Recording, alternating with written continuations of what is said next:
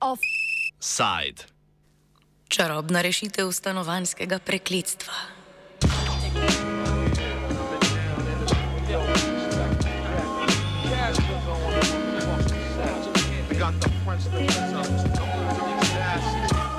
Novo ustanovljeno ministrstvo magije, znano kot Ministrstvo za solidarno prihodnost, je začelo s prvimi čarobnimi zamahi. Teden dni po koalicijskem vrhu, na katerem so vladne stranke razpravljale o novi stanovanski politiki levice, je ministr za solidarno prihodnost Simon Maljevac predstavil prve uroke, namenjene odčaranju primankljaja javnih najemnih stanovanj.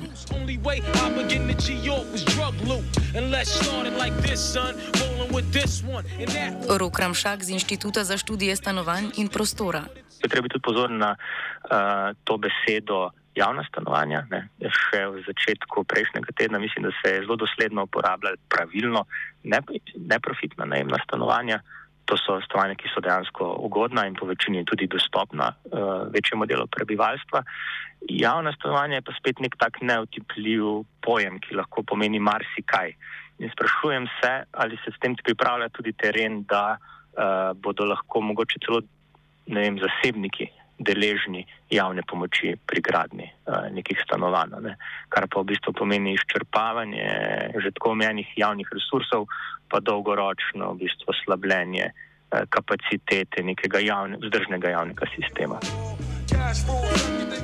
Maljevac, ki je po izobrazbi sociolog, v preteklosti pa je na področju prizadevanja za manjšinsko enakopravnost in kulturo deloval v različnih nevladnih organizacijah, meni, da je mogoče do leta 2026 zgraditi 5000 stanovanj.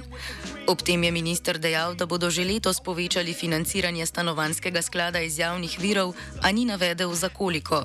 Že letos naj bi začeli z gradnjo tisočih stanovanj. Do leta 2026 uh, menimo, da je možno zgraditi okrog 5000 uh, stanovanj in sicer tudi s podporo iz proračunskih in javnih virov in sicer v ta namen se poveča namensko premoženje stanovanskega sklada Republike Slovenije in sredstva potem stanovanski sklad nameni za lastne projekte in projekte na lokalnih ravneh.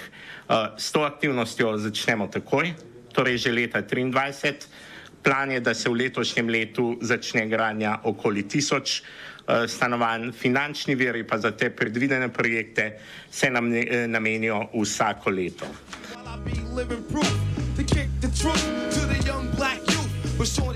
Rok Ramšak o tem, odkud izhaja 5000 stanovanj, o katerih je govoril minister. Kar zdaj pač ministrstvo dela, uh, ko govori o teh 5000 stanovanjih, prvič najbrž govoril o projektih, ki so tako ali tako že v teku, uh, drugič uh, ne govori o nobenih konkretnih sredstvih za to, oziroma če se ne motim, se je tam nekih 20-25 milijonov na leto omenjali do leta 2026, zdaj mogoče bo tudi, to tudi več, ampak ni jasno, o kakšnih sredstvih govorimo. Ne? Govorimo o nepovratnih sredstvih ali v bistvu govorimo o neke oblike kreditov.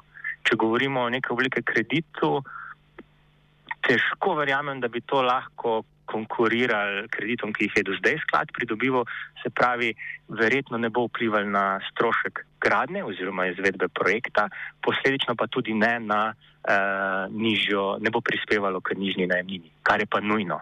Se pravi, če želimo povečati uh, količino stanovanj, ki jih produciramo na letni ravni, pa ki jih želimo celostno potem zgraditi, uh, in če želimo zvižati njihovo ceno, um, je nujno, da zagotovimo nepovratna sredstva in da zagotovimo zemljišča. Ne.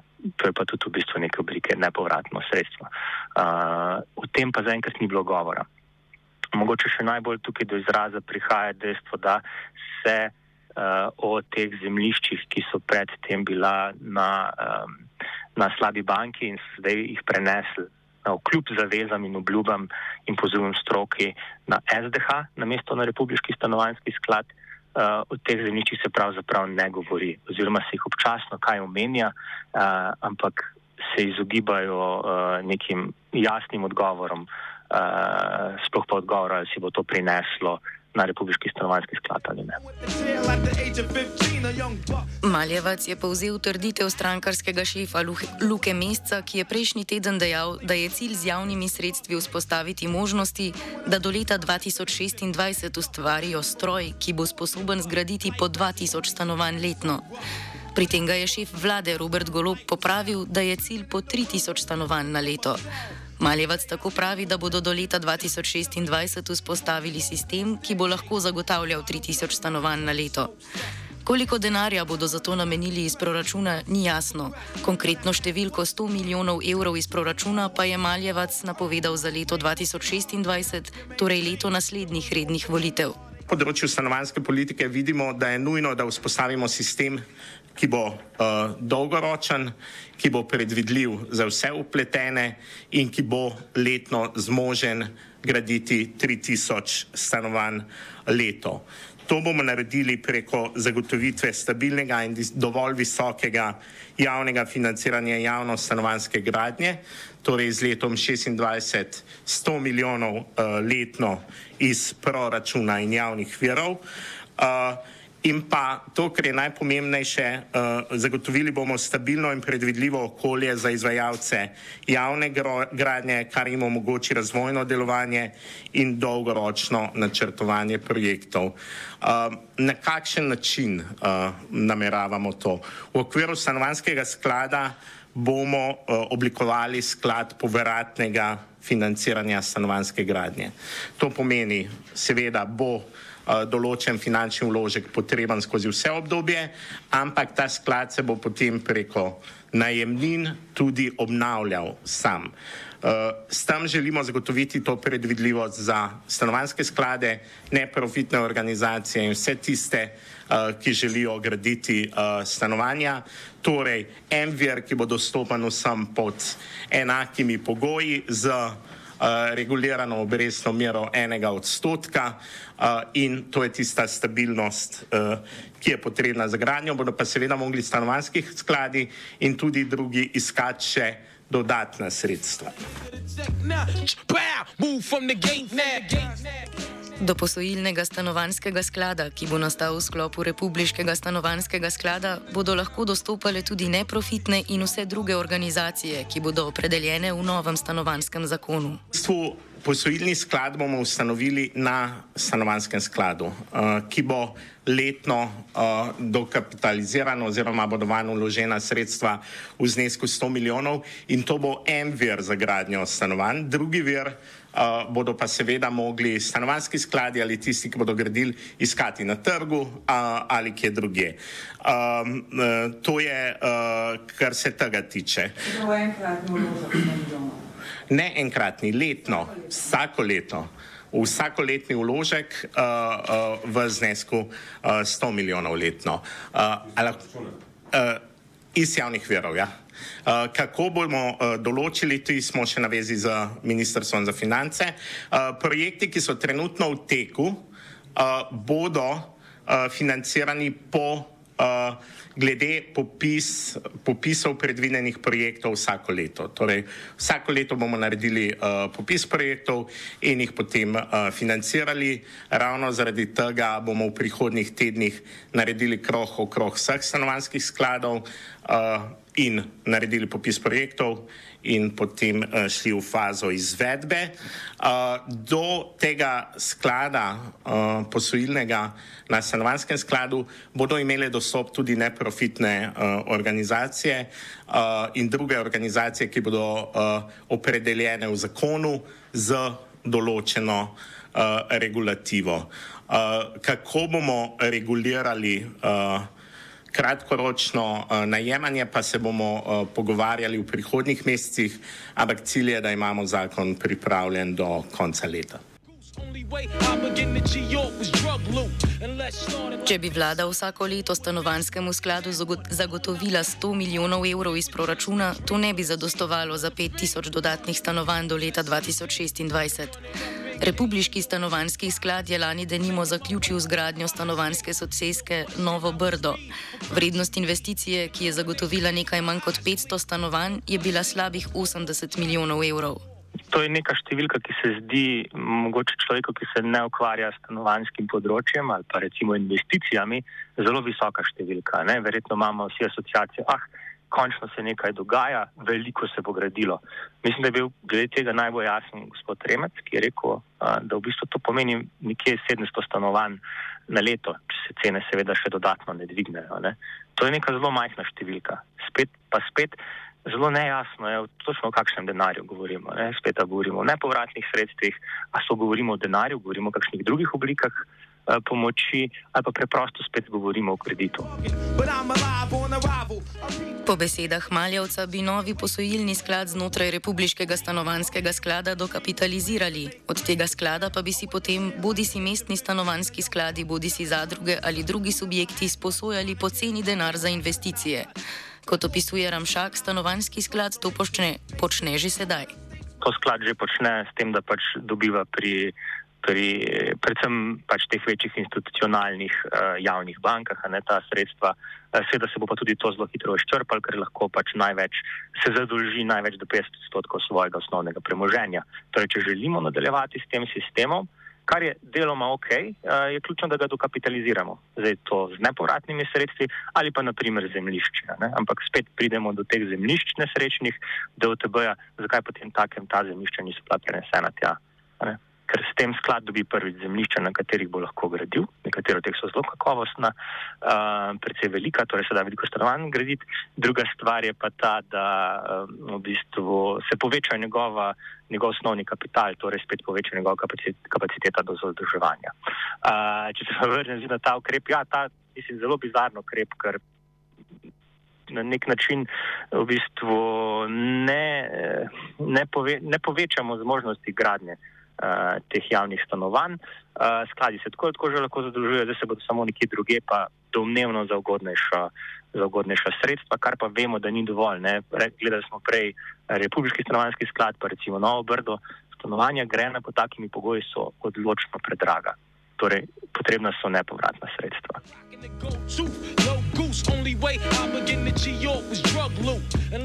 Kot je opisal Maljevac, je v Sloveniji bilo od leta 2015 do leta 2021 zgrajenih nekaj manj kot 23 tisoč novih stanovanj, število gospodinstev pa je v tem času naraslo za dobrih 39 tisoč.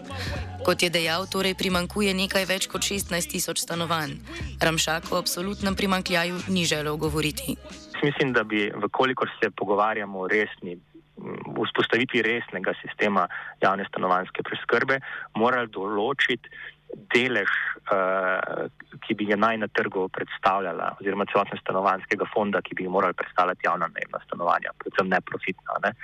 In uh, če gledamo nekakšne stojine, pa razne eh, te, eh, iz področja teorije, jaz mislim, da bi bilo dobro, da si tu zastavimo res dolgoročen cilj, pa rečemo, da med 20 do 30 odstotkov celotnega fonda stanovanj morajo predstavljati javna eh, najemna neprofitna stanovanja. Ne ki jih lahko pa dopolnjujemo recimo še stanovanskimi zadrugami in podobnimi uh, neprofitnimi stanovanskimi organizacijami. In to je tisto, ki bi nam dosti bolj jasno dal dolgoročni cilj, jasno pokazal, kaj točno moramo narediti in pa koliko stanovanj moramo dejansko potem na neki letni ravni graditi.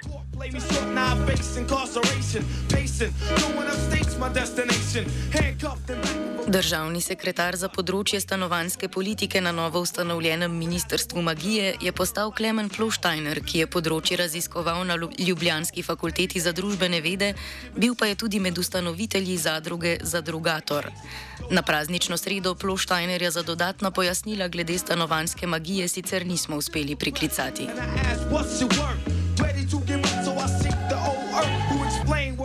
Poleg stanovanske politike je novo ustanovljeno ministrstvo prevzelo skrb še za dve področji. Državni sekretar za dolgotrajno oskrbo je postal Luka Umladič, doktor filozofije, ki se je v preteklosti ukvarjal z etiko okoljevarstva in znanosti. Zaposlen je bil kot asistent na Ljubljanskem filofaksu.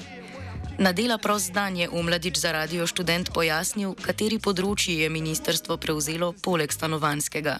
Ministrstvo uh, nekako um, je sestavljeno iz um, delovnih področji.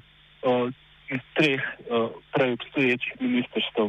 Eno je um, področje ki ga je pokrival na Ministrstvu za delo, direktorat za starejše. Ne? Ta direktorat za starejše si ga lahko pač nekako predstavljate kot uh, glavnega gospodarja no? uh, institucij v skrbi v Sloveniji. Torej, direktorat za starejše je skrbel za vse domove za starejše, uh, za vse ostale skrbne institucije, ki jih pač imamo. Uh, in to je pač en sklop tega, kar se je preselilo na novo ministrstvo. Drugi sklop je um, tisti del uh, na ministrstvu za zdravje, ki je pripravljal reformo uh, dolgotrajne oskrbe. Ne. Torej, pač vemo, da dolgotrajna oskrba, ta termin, ki ga zdaj uporabljamo, uh, uh, za, za, za to, da označujemo to preko integralno oskrbo, ki, označuje, ki, ki vsebuje tako element zdravstvene oskrbe kot element socialne oskrbe. Ne prav zato ne, pač, ne, strokovnjaki iz Ministrstva za zdravje, pa strokovnjaki pač iz Ministrstva za delo, ampak do zdaj ne, je to delovalo tako, bi rekel, raztegnjeno, ločeno čez dve ministrstvi, ne, se pravi čez zdravje in delo. In zdravje na nek način je bilo tisto domicilni, uh, domicilni um, resor za dolgotrajno oskrbo. Zdaj prvič ne, uh, dobivamo pač tim strokovnjakov, uh, iz obeh področji v eni inštituciji, ne, se pravi v novem ministrstvu za solidarno prihodnost. Ne. To pomeni številne težave, ki so z uveljavljanjem te reforme dolgotrajne oskrbe bile v preteklosti, so izhajale v precejšnji meri ra, ravno zaradi tega, ne, ker so bili ti timi razdrobljeni in ker ni bilo dost sodelovanja z recimo civilno družbo, pa strokovno družbo. Zdaj pač tukaj to imamo na enem mestu. Ne. Glavna naloga državnega sekretarja za dolgotrajno oskrbo bo najprej zagotovitev izvajanja zakona o dolgotrajni oskrbi. Tega je sprejela zadnja Janševa vlada, na referendumu pa so državljani njegovo izvajanje odložili do začetka prihodnjega leta. Glavna težava zakona, ki ga je sprejela prejšnja vlada, je, da ni zagotovil vira financiranja za izvajanje dolgotrajne oskrbe. Že za letošnje leto je bilo po zakonu za izvajanje programov dolgotrajne oskrbe ocenjenih 345 milijonov evrov. V letu 2025 bi dolgotrajna oskrba stala že več kot 740 milijonov. O mladiča smo vprašali, ali bodo za izvajanje zakona na ministrstvu uvedli novo dajatev. Smo sprejeli zakon o, o dolgotrajni oskrbi, je družba sprejela pač to odločitev da se bo en precej večji delež ne, stroškov uh, dolgotrajne oskrbe uh, pač kriv iz javnih sredstev. In sprejeta je bila tudi odločitev, da bo um, zato pač se uvedla ustrezno pač dejatev. Uh, ta odločitev je celo, mislim, ni samo na ravni, ne samo interne, interna politična odločitev Slovenije, ampak je tudi zapisana kot mejnik, uh, v, mejnik za um, načrte za okrevanje in odpornost. Ne. To pomeni, ne, največjih mejnikov, na katerih je vezano marsikaj, ne, še drugih stvari, ne, ogromna ne, pač finančna sredstva, je zaveza Slovenije, da bo uh, leta 2025 uh, zakon o financiranju uh, dolgotrajne oskrbe tudi sprejet. Ne. Da bodo magične rešitve odčarale stanovansko prekletstvo, lahko za zdaj, dokler Ministrstvo magije od finančnega ministrstva ne pridobi tudi proračunskega denarja, le upamo.